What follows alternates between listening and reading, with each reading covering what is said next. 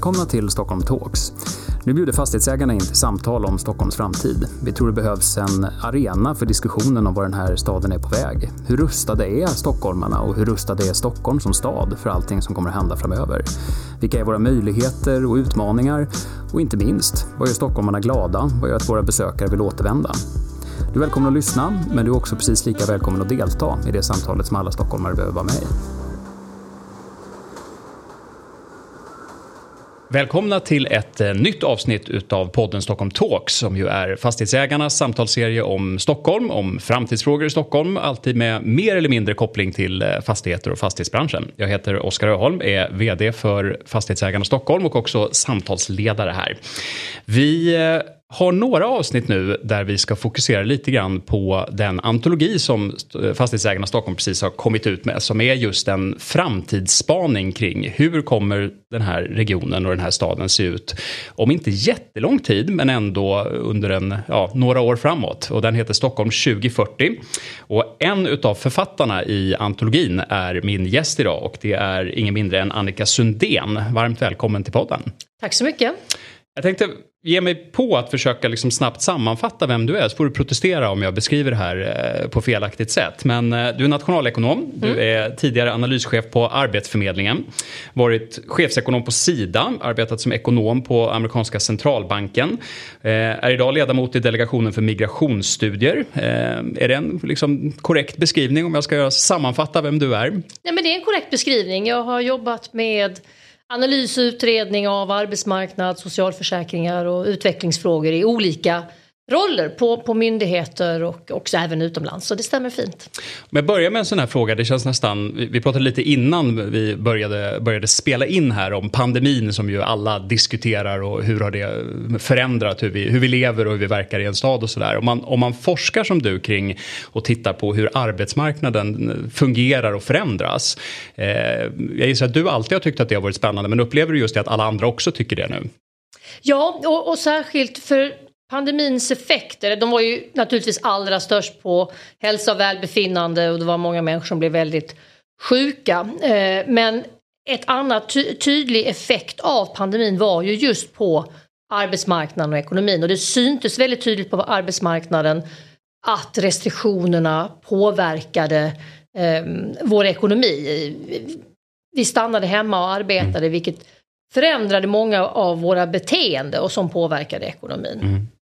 Om man tittar lite på det här kapitlet som du har skrivit till, till vår antologi där du just analyserar hur ser eh, förändringarna vi eventuellt kommer att se då fram till 2040 i Stockholm. Om man skulle sammanfatta lite grann av eh, teserna du driver i ditt kapitel, hur skulle du göra det? Det som hände på arbetsmarknaden och det som, som påskyndades under pandemin är ju en, en strukturomvandling till följd av digitalisering och elektrifiering, den omställningen vi gör, den klimatomställningen vi gör. Eh, och digitalisering handlar ju om att, att saker och ting kan göras mycket snabbare och enklare med, med, med datorkraft. Roboti robotisering, automatisering och artificiell intelligens gör ju att många arbetsuppgifter försvinner eller förändras. Och samtidigt som då ny teknik skapar nya arbeten. Mm. Sen det som också gick snabbare då under pandemin var ju att, att våra beteenden förändrades. Vi började handla mycket mer online, vi lärde oss att träffas digitalt, affärsresandet minskade. Och det gör då att den här omvandlingen påskyndades. Och det gör att jobben i Stockholm kommer att förändras, en del kommer försvinna och nya kommer komma till. Men nästan allt kommer förändras på, no på något sätt. Mm. Eh, och då kan man ju komma ihåg att Stockholm är Sveriges största arbetsmarknad. Dominerar av privat tjänstesektor. Eh, vård och omsorg, det finns många vård och omsorgsjobb här också mm. såklart. Eh, och alla de här jobben kommer att påverkas. Men jag skulle också säga att Stockholm har goda förutsättningar att klara den här omställning, omställningen. Eh, arbetskraften i Stockholm är i genomsnitt välutbildad. Mm. Det, om jag får borra lite grann just i den frågan för att den här diskussionen om hur städer påverkas av ja, både det som hände i pandemin men egentligen hela den strukturomvandling som sker nu. Det, det är ju ett sånt där modediskussion om man får mm. uttrycka det så. Alla pratar om detta. Det jag ibland upplever är att man, man pratar om det och så pratar man om städer väldigt generellt men jag gissar att, att det, det måste ju betyda väldigt mycket vad, vad förutsättningarna är. Men det låter som du ändå är ganska positiv när det gäller Stockholms förutsättningar. Absolut, men, men det som också är viktigt att komma ihåg och det är viktigt när vi pratar om arbetsmarknaden som helhet och, och det gäller inte bara Stockholm men det syns också tydligt i Stockholm. Det är att vi på arbetsmarknaden har en tudelning. Mm. Och en tudelning som handlar om att om man inte är välutbildad, om man saknar gymnasieutbildning eller inte har tidigare arbetslivserfarenhet eller varit arbetslös länge, då har man väldigt svårt att komma in och få ett arbete. Eh, och det drabbar i mångt och mycket personer med utrikes bakgrund, många av de flyktingar som har kommit till Sverige genom åren och som saknar de kompetenser som arbetsgivare efterfrågar. Vi har en väldigt stark arbetsmarknad just nu, den mm. börjar mattas av men det är fortfarande så att arbetsgivare efterfrågar arbetskraft och har svårt att fylla sina vakanser. Men saknar du de kompetenserna och saknar du utbildning så har du svårt att komma in. Eh, och det blir ju tydligt även i Stockholm eh, och särskilt i de områden där, där många, där, det, vi har ju de här utanförskapsområdena där, där många arbetslösa mm. bor och, och, och där eh, det blir den här, den här tudelningen blir väldigt, väldigt tydlig. Och det, det pratar vi ju ofta om att Stockholm är en väldigt delad stad men, men det, det är lite grann varningsflaggen du reser här också att de problemen riskerar att bli ännu större då igen. Absolut, de riskerar att bli ännu större. Eh, och de riskerar att bli ännu större om, om vi inte arbetar för att alla människor, mm. människor ska komma till sin rätt och, och, att personer som har varit arbetslösa får stöd och hjälp att komma tillbaka in på arbetsmarknaden. Mm. För vi har ju det här behovet av arbetskraft och det är också tydligt i Stockholm. Ehm, dels har vi omställningen till följd av, av strukturomvandlingen. Men vi har också en åldrande befolkning eh, och ett stort behov av vård och omsorg. Och här behövs det mycket arbetskraft. Här behövs det mycket arbetskraft i Stockholm. Så det finns ju jobb och det finns ju jobb så att de personer som idag är arbetslösa skulle kunna komma in om de får rätt förutsättningar och utbildning. Mm.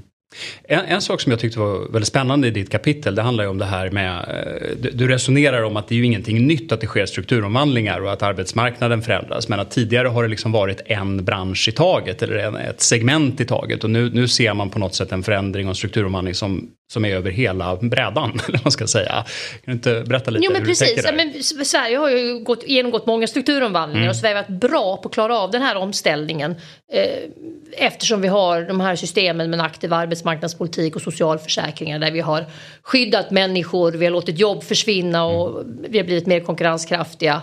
Eh, och så har människor, eh, de som blivit arbetslösa fått utbildning och kunnat komma tillbaka. Eh, men det har ju huvudsak drabbat en bransch i taget och det har huvudsak drabbat branscher där utbildningsnivån har varit lite lägre.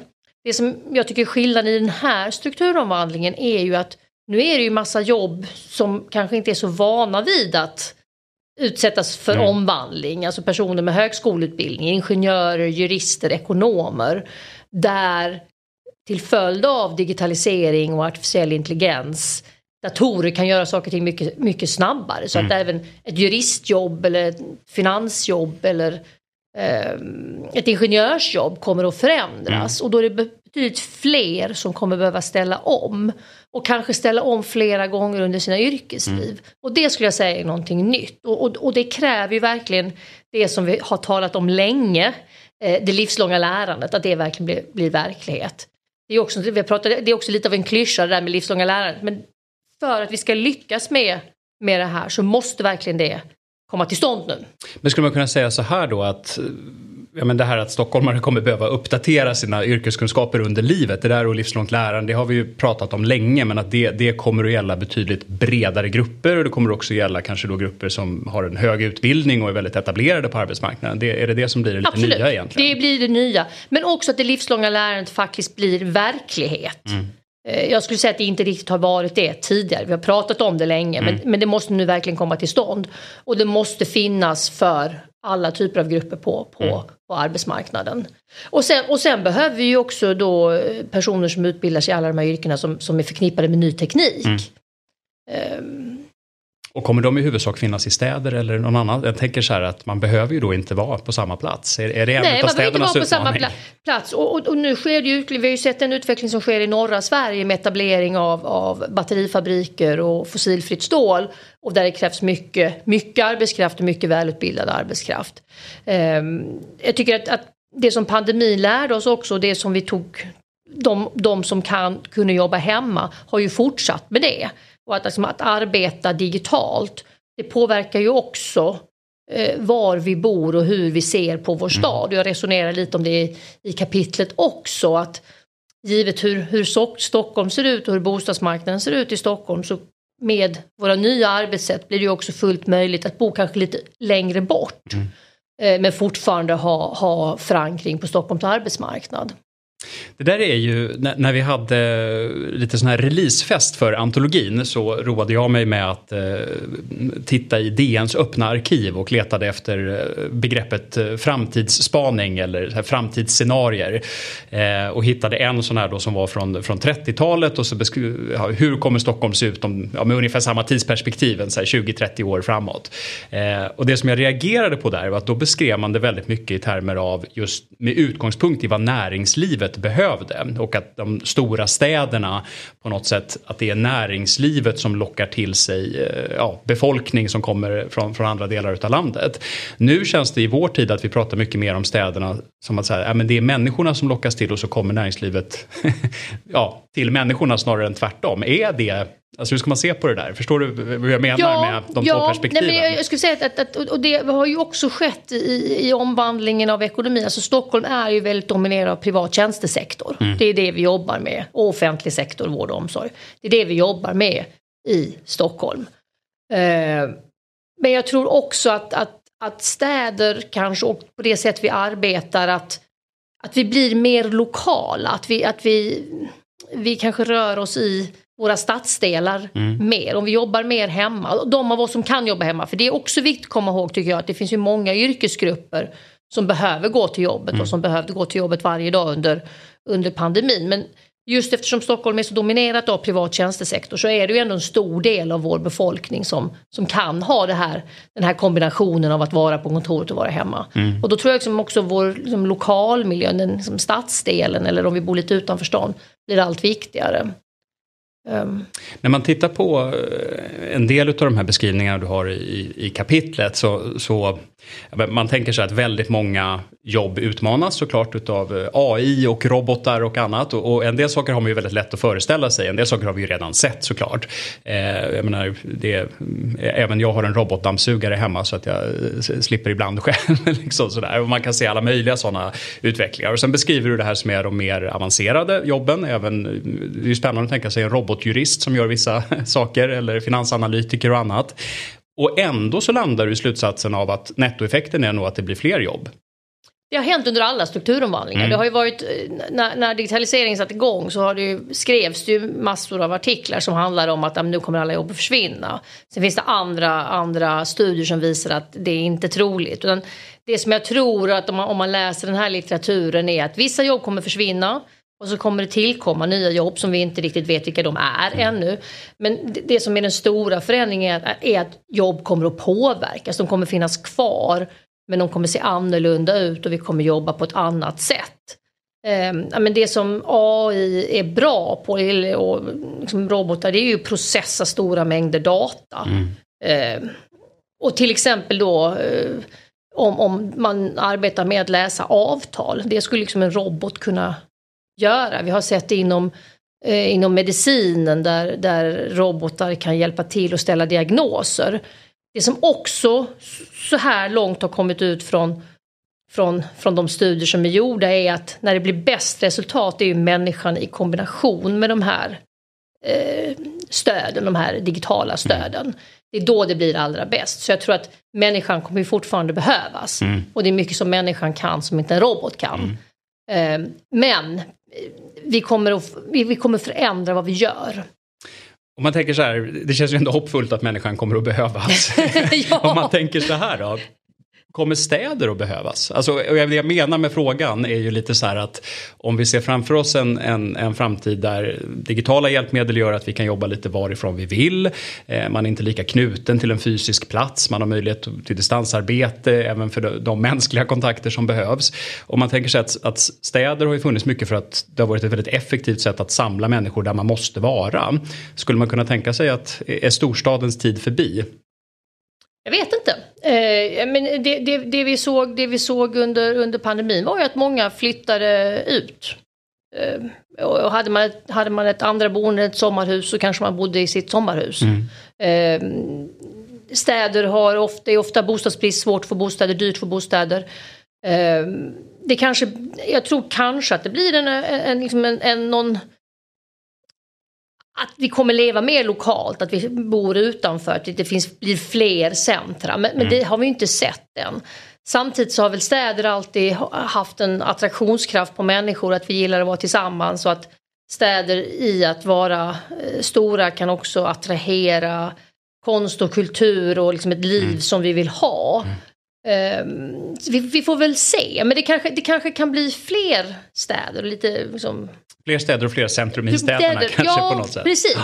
För samtidigt, det, det jag kan vara rädd för det är ju lite det här man kan ju tycka vad man vill men det är klart att det som händer i städer där, där människor och idéer och om vi ska vara ärliga även kapital och annat liksom gnuggas mot varandra. Mm. Att den, den, kreativitet som uppstår utav det hade ju inte kommit till om man inte just hade gnuggat de här sakerna mot Nej, varandra. Men precis, och, och vi, har, vi har ju, i Sverige har ju en väldigt stark urbanisering. Mm. Vi, och, och, men den kanske, inte kommer, den kanske kommer att avstanna lite grann. Men jag tror att vi fortfarande kommer leva i urbana miljöer, mm. absolut. Mm. En sån här fråga som vi har ställt några gånger i den här podden är ju, är ju om man, nu har vi precis haft val både i, till, till riksdagen och, och lokalt. Om du, var, om du var borgmästare i Stockholm, vad, vad, vad kommer vara viktigt för de som styr i den här stan tror du? Att, utifrån det här perspektivet, hur ska, hur ska man resonera? Det som jag tycker är viktigt och utifrån det som, som, som, är mitt, mitt område så handlar det naturligtvis om att få ihop arbetsmarknaden. Att, att verkligen ta tillvara på alla människor som bor i Stockholm och att alla får komma till sin rätt. Och att man arbetar på ett sätt så att de som har svårt att hitta ett jobb eh, verkligen får större hjälp att komma in. Och också att man då på det sättet säkrar eller ser till att kompetensförsörjningen för dem eh, arbetsgivare som behöver arbetskraft. Att, mm. att de, de, hittar de personer de, de behöver. Och, och, det kräver, och det kräver ju att vi har men jag skulle ju, ett bra utbildningssystem. För, mm. för är det någonting som är vattendelaren på, på arbetsmarknaden så är det utbildning. Eh, och att, att verkligen satsa på att alla klarar skolan. Mm. Det skulle jag tycka är bland det viktigaste. Och där låter det lite på dig som att det finns en dubbel utmaning. Det är både det här att, att lyfta en grupp till att ja, men överhuvudtaget ha en gymnasiekompetens och kunna komma in alls. Och den andra sidan av att även människor med, med gedigen utbildning kommer behöva se över Absolut. och utveckla vi behöver vad man vi gör behöver under ha ett utbildningssystem som finns under, under hela livet och som, mm. som tillgodoser de här olika kraven på eh, utbildning och kompetensutveckling mm. under, under hela livet. Mm. När man tittar, det här är ju en podd som handlar om Stockholm. Eh, en sak som vi ibland skämtar om det är ju att vi har ju en självbild av att vi är väldigt långt fram och vi ligger liksom eh, längst fram i utvecklingen och är väldigt moderna och liksom framtidsinriktade. Eh, och ibland så, så, är det ju en tillnyktrande att inse att det inte är så. Eh, när du tittar på hela den här ja, strukturomvandlingen om, omvandlingen och, och de här utmaningarna som du beskriver nu. Eh, är vi i framkant? Är, är liksom Stockholm ett exempel på där de här trenderna har kommit längst? Där vi ser spännande exempel eller borde vi titta på andra städer och, och länder? Jag tror säkert att Stockholm kan lära sig från, från, från andra, andra, andra städer. Eh, Stockholm har ju så länge varit den centrala, eller liksom den stora stad vi har i mm. Sverige och det är det ju fortfarande. Men nu har vi en etablering i norra Sverige mm. av, av, nya industrier och där de städerna växer.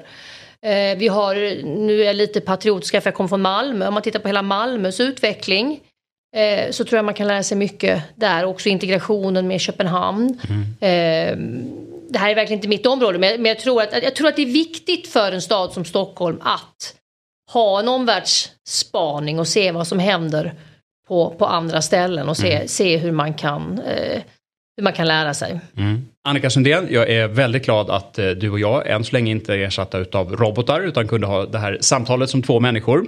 Jag är också väldigt glad över ditt bidrag i vår antologi Stockholm 2040 där man kan fördjupa sig i, i det du inte hann berätta idag helt enkelt. Vill man läsa mer utav den så eh, kan man göra det och söka upp Stockholm 2040 i nätbokhandeln eller via Fastighetsägarnas sociala kanaler. Varmt tack Annika för att du ville vara med i Stockholm Talks. Tack så mycket.